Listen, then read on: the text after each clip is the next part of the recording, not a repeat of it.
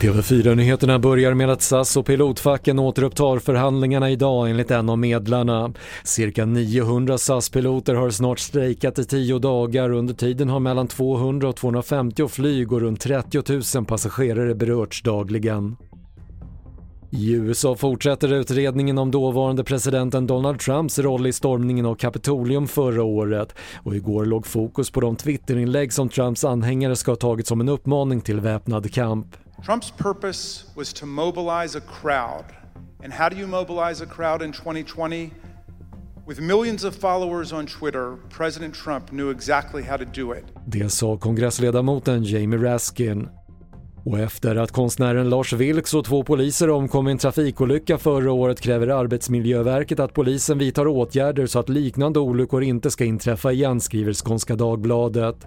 Verket är intresserad av åtgärder som bättre däck eller att man inte kör för fort. Fler nyheter hittar du på tv4.se. Jag heter Patrik Lindström.